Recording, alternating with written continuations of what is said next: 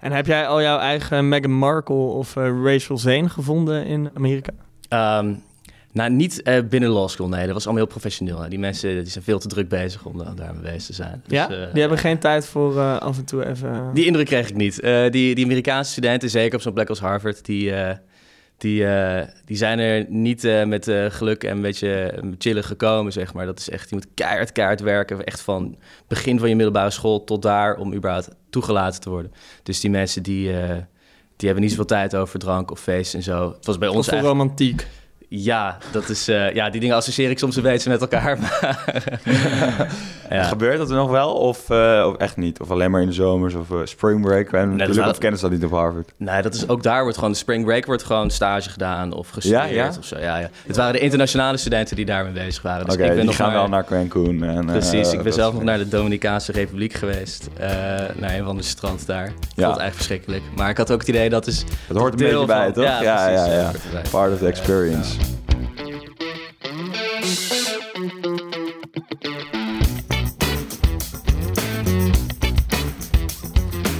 Als je denkt aan de top van het studeren, dan denk je aan Harvard. Aan deze universiteit in Boston studeerden grootheden als Mark Zuckerberg, Bill Gates, Natalie Portman en Matt Damon. Ja, Simon, ik zie jou kijken. Ook Matt Damon studeerde af aan Harvard. Wie ook afstudeerde aan Harvard is Paddy Leersen. Paddy, welkom. Hoe is het tussen deze namen genoemd te worden? Nou, ik vind het wel leuk dat je gelijk Bill Gates en Mark Zuckerberg noemt. Want die zijn allebei dus niet afgestudeerd. Dat is het grappige. Die zijn wel toegelaten en begonnen. Maar die zijn allebei uh, gestopt omdat ze betere dingen te doen hadden. Namelijk Microsoft en Facebook oprichten. Uh, dus ik heb ook wel eens gedacht, misschien is het wel een fout om af te studeren. Misschien als ik het echt wil maken, moet ik gewoon halverwege stoppen. Uh, uiteindelijk wel gewoon braaf mijn diploma gehaald. Maar ja, dat is toch wel bijzonder dat zodra je binnen bent, dan ben je al binnen eigenlijk. Ja, in Londen heb je ook zo'n grappig verhaal. Want de London School of Economics is ook uh, een prestigieuze universiteit natuurlijk. En daar scheppen ze ook altijd op over Mick Jagger als alumnus. Maar die heeft het maar een jaartje volgehouden daar. En die is toen hele andere dingen gaan doen. Ik weet niet precies wat. Iets met uh, Rolling Stones of zo. Maar, uh, maar wel grappig. Maar Paddy, laten we eerst even teruggaan naar het begin. Jij begon negen jaar geleden in Maastricht. Wat was toen, wat was toen jouw plan? Ik vind het wel leuk dat jullie het allemaal weten. Je hebt je huiswerk wel goed gedaan. Uh, ja, nee, ik ben met uh, rechten begonnen in Maastricht. Um, ik wilde Europees recht studeren, een beetje die internationale kant op. Uh, dus ik wilde ook altijd al heel graag in het buitenland studeren. Um, en het lullige bleek dan, net met dat programma dat ik gekozen had, kon je helemaal geen uitwisseling doen. Hè, bijna met elke bachelor kun je een Erasmus doen of zo in het derde jaar. En dat kon helemaal niet met dit programma, want het zat vol met andere dingen. Want een dus Erasmus is en Erasmus is, is een Europees programma waarmee je dus in het meestal derde jaar van je studie een halfjaartje in het buitenland kunt zitten voor bijna geen kosten. Uh, dus al, heel veel studiegenoten die in andere programma's zaten, die gingen dan naar, naar Berlijn of naar Barcelona of gaan ze maar door. Hartstikke leuk. En ik was echt groen van de jaloezie. Want ik wilde juist heel graag in het buitenland uh, ook uh, ervaring opdoen. En dat kwam er maar niet van. met rechten in je master moet je natuurlijk ook in Nederland blijven, want je moet natuurlijk Nederlands recht leren. Dus uh, toen was ik helemaal aan het einde van mijn studie en was ik nog steeds niet echt in het buitenland geweest. En toen dacht ik, nou, dan doe ik er gewoon nog een master bij. En uh, toen ging ik maar uh, ja, solliciteren. Dus jouw drift eigenlijk om in het buitenland te studeren was zo opgespaard in die eerste paar jaar dat je meteen dacht van dan, dan ga ik maar naar Harvard. Ja, nou, het was wel de ambitie. makkelijker gezegd dan gedaan natuurlijk. Dus ik ging solliciteren. Ik heb op heel veel plekken ook... ja, is solliciteren het juiste woord? Aanmelden. Um, dus ik heb een stuk of volgens mij zeven of acht universiteiten aangeschreven. En het, grappige was ook wel, ik, ik, wist ook niet of, of dat misschien te hoog gegrepen was, zo'n plek als Harvard. Hè? Super exclusief natuurlijk. Ehm, en ik ben ook op alle andere plekken ben ik afgewezen. Uh, dus dat is wel een spannende tijd. Um, want hoe, hoe dat werkt is ook dat die, die afwijzingen die komen als eerste binnen. Want hoe ze selecteren is, ze, ze, ze, ze zeggen eigenlijk tegen steeds meer mensen nee... tot ze een aantal hebben dat ze nodig hebben. Dus, uh, dus uh, Florence in Italië heeft me afgewezen. En toen, toen zei uh, Oxford dat ik niet binnen, naar, daarheen mocht. En toen Cambridge. ook een paar Amerikaanse universiteiten. Dus tegen de tijd dat die allemaal nee hadden gezegd... Dat ik, nou, dan kan ik Harvard ook wel op mijn buik schrijven. Dus ik was eigenlijk al bezig met andere plannen maken. En toen opeens kwam die brief binnen met... ja, dat is hem toch geworden. Dus ook daar een tip van... ja, het proberen altijd waard. Oké, maar je noemt al een paar andere universiteiten ook. niet de minste ook, volgens mij. Um, Harvard, maar hoe kom je daar? Zeg maar, hoe werkt het solliciteren? Maar hoe, ja, hoe kom je daar? Nou, dat is echt een ontzettend rot werk. Uh, ik heb daar ook bijna een half jaar voor uitgetrokken dat ik gewoon mijn scriptie ging schrijven voor mijn master. En die, uh, die sollicitaties voor die universiteiten. Um, en het is ook natuurlijk ook zo dat al die universiteiten net weer andere vereisten hebben. Hè? Dus de een wil een, brief van drie pagina's, de ander wil een brief van anderhalve pagina. En uh, die Amerikaanse universiteiten met name willen ook alles op papier hebben. Dus je zit de hele tijd post te sturen die een soort van twee weken duurt om aan te komen. Dus uh, het is echt rotwerk. En ik ben er heel veel tijd in kwijt geweest. Um, en je moet ook bijvoorbeeld aanbevelingsbrieven hebben van, van hoogleraren of andere belangrijke mensen. Dus dat soort dingen zit ook wel heel veel gedoe achter. Dus ja, dat is uh, een flinke klus. Oké, okay, maar het lijkt er wel op dat je niet met een 6,5 kan solliciteren daar. Je hebt dus, wat je zegt, al aanbevelingsbrieven ja. nodig van hoogleraren. Um, is het dus niet voor iedereen weggelegd? Ja, dat is, uh, ik, ja, de cijfers spelen natuurlijk ook een rol. Uh, en het verschilt een beetje per universiteit hoeveel waarde ze eraan hechten. Ik heb gehoord dat bijvoorbeeld de Engelse universiteiten... die zijn ontzettend streng op de cijfers. Terwijl in Amerika kijken ze ook wat sneller naar nevenactiviteit en zo. Die vinden het heel erg leuk als je bijvoorbeeld ja, bestuurservaring hebt... of uh, heel veel aan sport doet of wat dan ook. Dus die kijken weer naar het gehele plaatje. Maar cijfers spelen natuurlijk wel een hele grote rol, ja. Ja, dat is wel een belangrijk contrast inderdaad met Engeland. Uh, ik zit zelf in Oxford en daar, als jij daar in je motivatiebrief gaat zeggen van ik was uh, captain van mijn hockeyteam en daar heb ik leiderschap geleerd, dan uh, gooien ze je brief in de prullenbak. Zij willen gewoon harde cijfers en niet per se een, een mooi verhaal. Heb jij voor je brief in, in Engeland ook dat soort dingen genoemd of wat minder? Ja, ik wist, ik heb er wel een beetje op ingespeeld, want ik had dus verhalen ook gehoord. Ik ben ook een keer naar zo'n zo'n uh, informatiedag geweest. Dat was toen dan van, van Oxford en Cambridge, die een beetje gingen uitleggen van hoe is het om te solliciteren. Dus ik had dat soort tips al wel in mijn achterhoofd. En ik heb ook echt voor elke universiteit een aparte brief geschreven, waar ik dan een beetje inspeelde op de dingen waar ik dacht wat zij wilden horen. Um, nou, blijkbaar werkte dat niet in elk geval, maar misschien één keertje wel. Maar je zegt ook, het is niet voor iedereen weggelegd. Ik denk dat dat deels te maken heeft met dat je als Nederlandse scholier of student helemaal geen hulp krijgt met je aanmelding, zoals mensen dat in Amerika of Engeland wel krijgen. Ik ben wel benieuwd, toen jij daar eenmaal was, had jij toen het idee dat de mensen om jou heen, jouw medestudenten, dat die veel slimmer waren dan de slimme mensen die je in Nederland had ontmoet? Ja, ik denk het wel, eerlijk gezegd. Uh, absoluut. En ik denk dat het ook wel iets met rechten te maken heeft. Uh, rechten, heb ik toen geleerd, is een studie die een hele andere reputatie heeft uh, in de meeste landen vergeleken met Nederland. Ik, ik, weet niet wat, wat, jullie beeld is, maar wat ik altijd meekreeg was rechten is een studie die doe je als je ja, je hebt niet hele goede cijfers gehaald. Je hebt misschien ook niet heel veel passief in je studie. Je wil ook veel dingen ernaast doen, maar je wil op zich wel een goede baan later. Nou, dan kom je een beetje bij rechten terecht. Oh, je, je bent ook slecht in rekenen, dat is ook dan. En dan kom je bij rechten terecht. Um, en nou, dat zie je misschien ook wel een beetje terug in de, stu in de studiehoudingen van veel mensen. Uh, in andere landen is het juist een beetje als geneeskunde. Van als je echt top of your class bent, als je heel goed uh, goede cijfers scoort, dan, dan vragen ze je van, oh, waarom ga je niet uh, rechten doen. Je bent zo slim. Je kunt advocaat worden. Dus die houding, die reputatie is in heel veel landen anders. En mijn idee is dat je dat wel heel erg terugziet in de studenten. Dus er waren echt ontzettend begaafde mensen die je daar tegenkwam. En dat was wel heel inspirerend om te zien ook. Ja, dat is wel een uh, opmerkelijk verschil inderdaad. Um, moet je een uh, rijke vader hebben om aan Harvard te kunnen studeren? um, het helpt wel. Ik, ik, ik moet daar eerlijk in zijn. mijn ouders hebben wel gewoon mee kunnen betalen. En, en dat scheelt een hoop. Als ik dat niet kon, zou ik het misschien ook niet gedaan hebben. En dan zou ik het ook niet zo snel mensen aanraden. Universiteit, uh, Amerikaanse universiteiten die zijn een stuk duurder uh, dan bijvoorbeeld ook die in, Engeland of zoiets. Of andere Europese landen. Um, daar heb je het dus echt over meer dan 60, 70.000. En dan heb je nog woonkosten erbij per jaar. ontzettend veel geld. Het, het helpt wel dat je studiebeurzen kunt binnenhalen. Maar ook die zullen zeker niet de hele lading dekken uh, als je uit Nederland komt.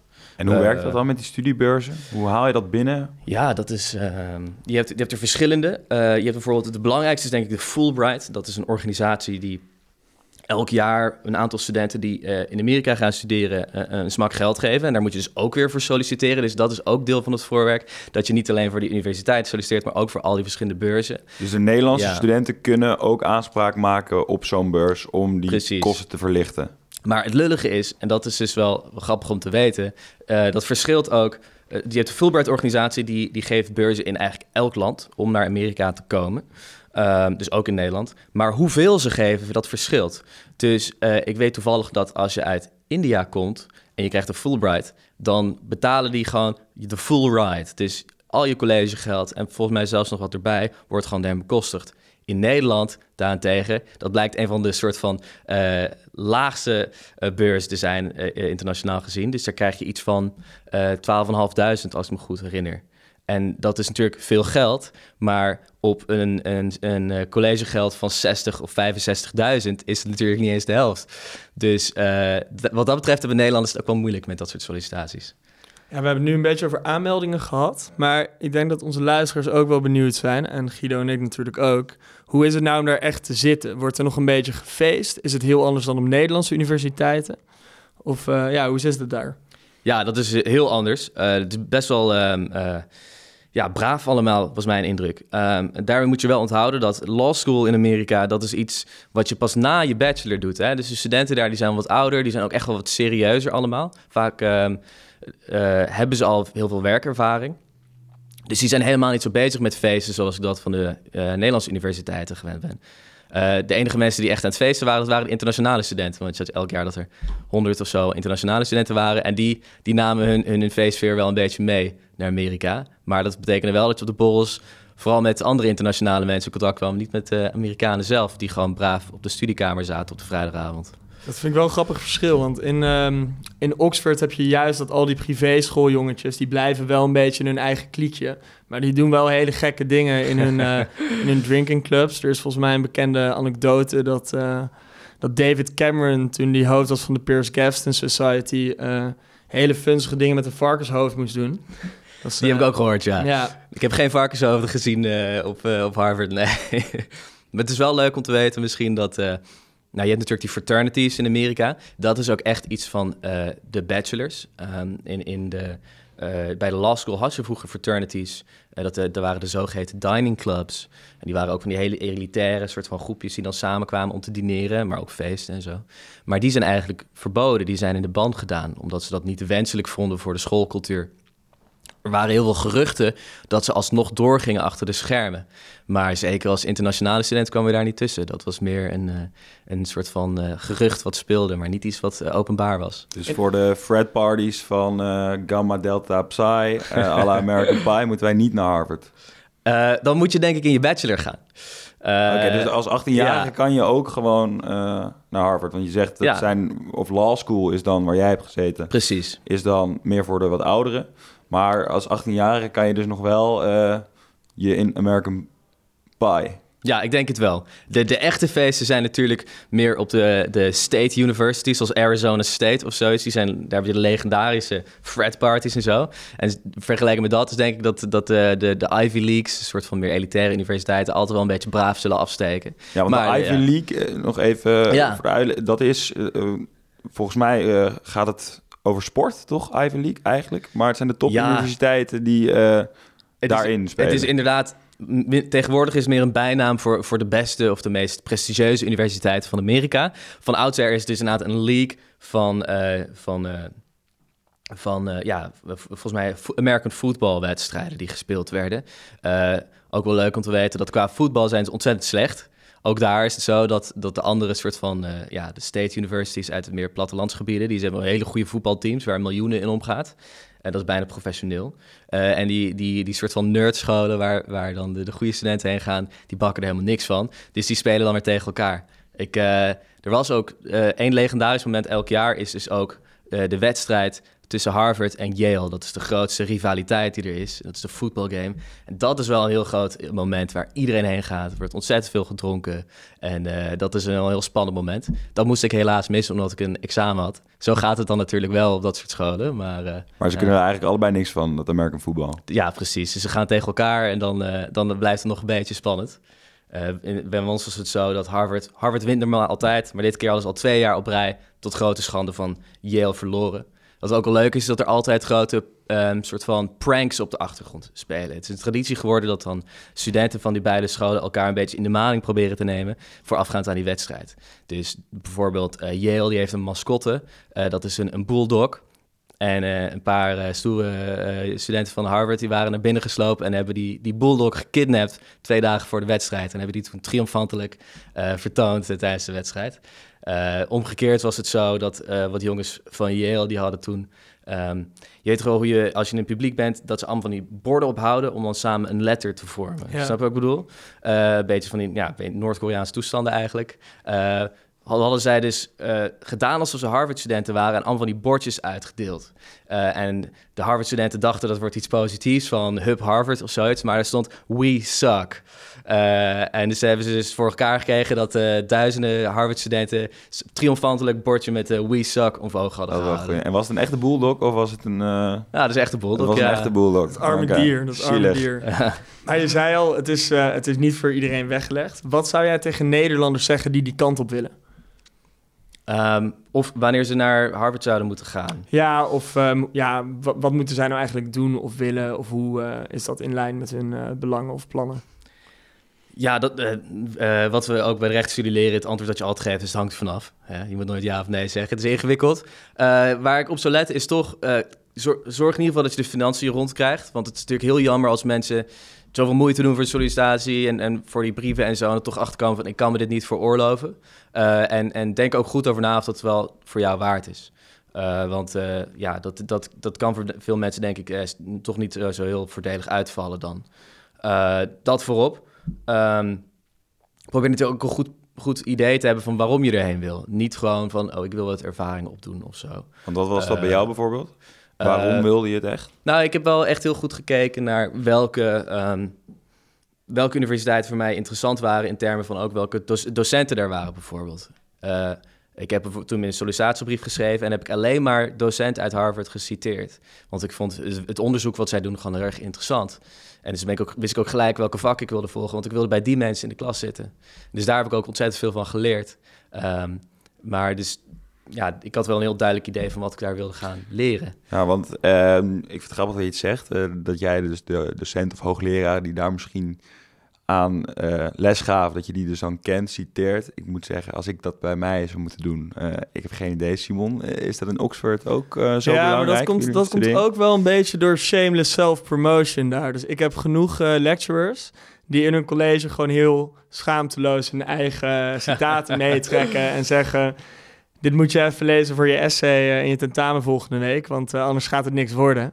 Daar zijn ze redelijk, eh, ja, redelijk schaamteloos in, maar dat, dat begrijp ik ook wel. Nou, jij natuurlijk ook, want eh wij hadden het natuurlijk helemaal nog niet over Oxford gehad. En jij verkondigt nu natuurlijk meteen dat jij ook aan Oxford studeert. We hebben hier een beetje de, de clash tussen Amerika en Groot-Brittannië op dit moment. Eh, ja, jongens, vecht het anders maar uit. Wie eh, is Ja, het, eh, ik wil even beginnen. Ik Ja. heb twee punten eigenlijk. Kijk, we hebben hier natuurlijk Paddy zitten. Die is dus afgewezen voor Oxford en aangenomen voor Harvard. Dat is één datapunt. Een beetje een kleine N, maar eh, doe ermee wat je wil.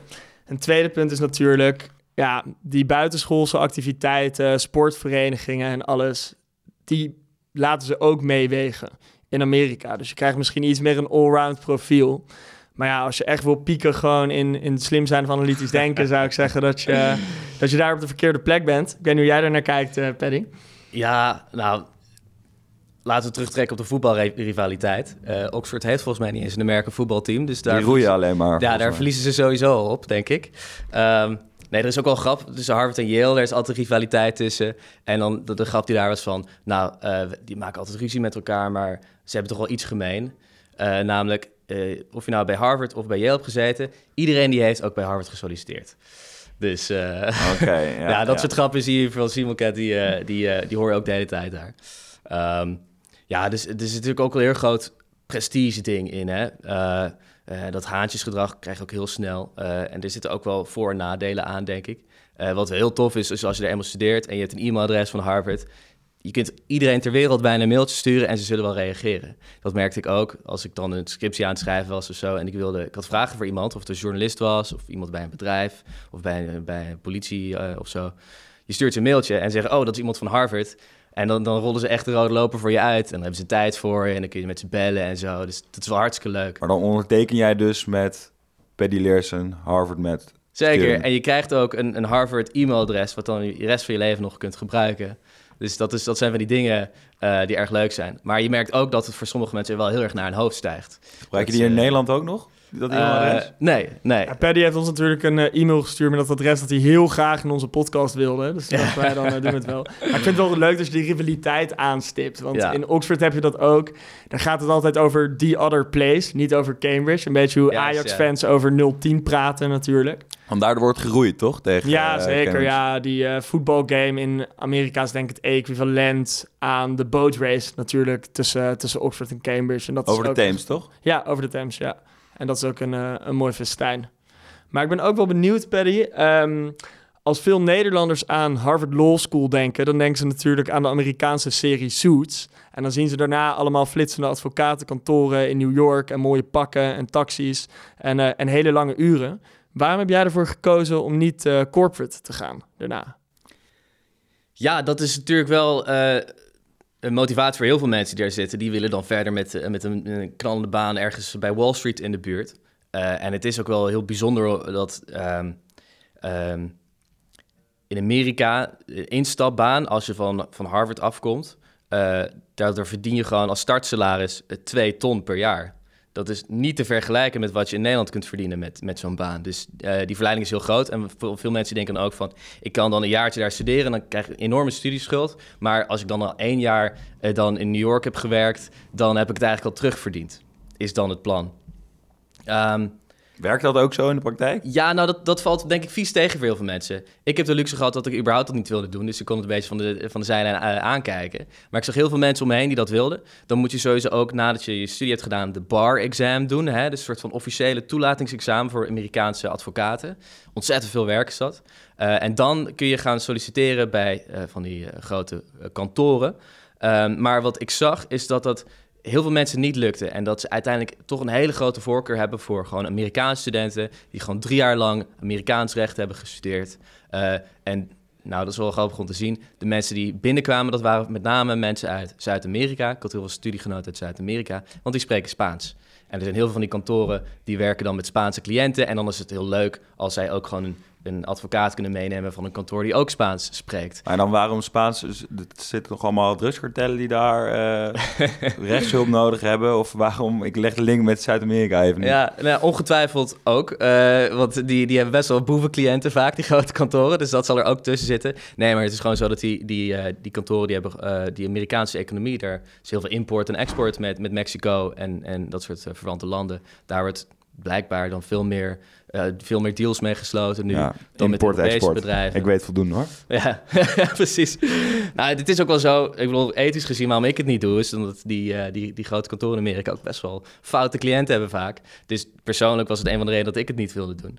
Maar goed, je zag dus dat er veel- veel Europese studenten uit, uit Nederland of uit Duitsland of zo, dat er best wel een teleurstelling was. Dat ze elkaar hun best hebben gedaan om te solliciteren, maar uiteindelijk zijn ze gewoon niet heel erg gewild.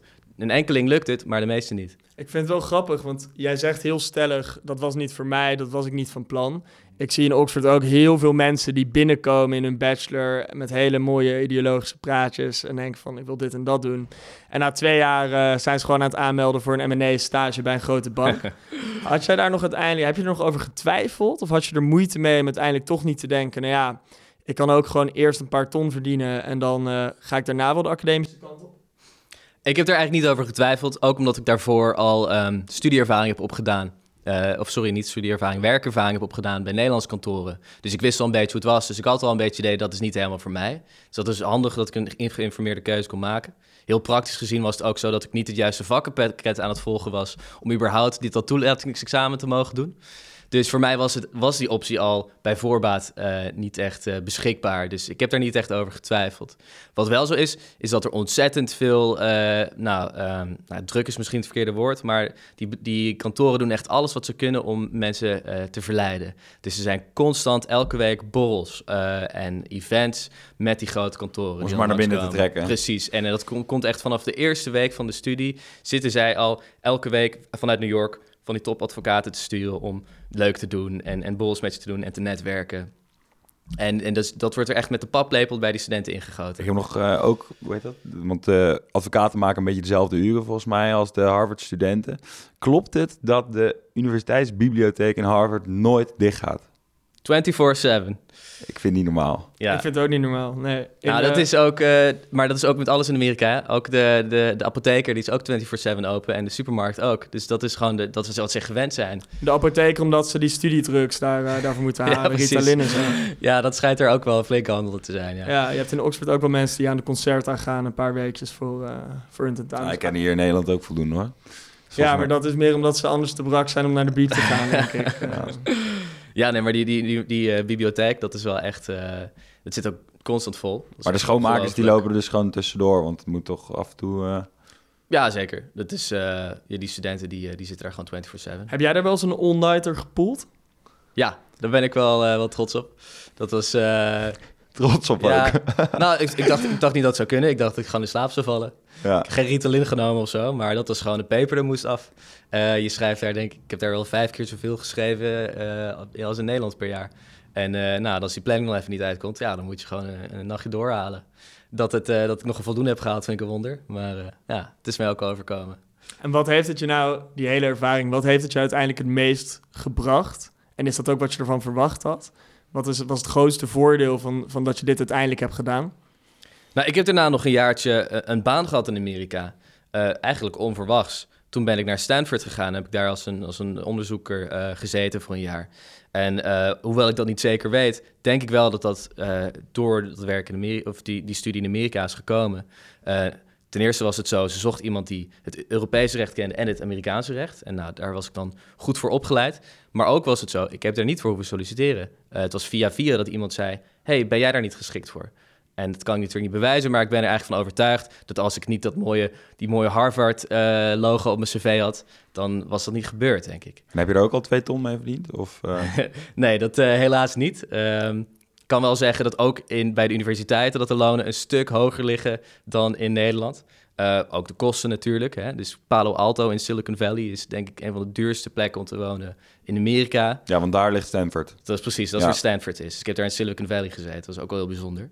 Ehm, maar ehm, het is natuurlijk niet dezelfde vetpot als eh drugskartels eh, vertegenwoordigen in New York, zoals jij dat het kun je beter doen eigenlijk. Ja, dat is iets lucratiever dan universitair onderzoek, ja. Oké, en als laatste eventjes, waar, waar zien we jou over 30 jaar? Eh, precies op dezelfde plek hier aan de UvA. Lekker lesgeven. Ja, Ja, ik denk het wel, eh. Dat blijf jij doen. Ja, dat is eh, ontzettend saai misschien, maar ik vind het heel erg leuk. Ja, dat hoeft niet natuurlijk, Ja, toch? ja. Ja, wel leuk, want ik denk dat Guido en ik over 30 jaar nog steeds podcastjes aan het maken zijn. Dus dan kunnen we je weer uitnodigen voor ons 30-jarig jubileum. Ja, dan kunnen we over onze pensioenplannen gaan praten. Of, eh, Ja, Ja. maar eerst nog maar even opnemen. Dankjewel, uh, hartstikke Freddy. goed. Ja, dankjewel.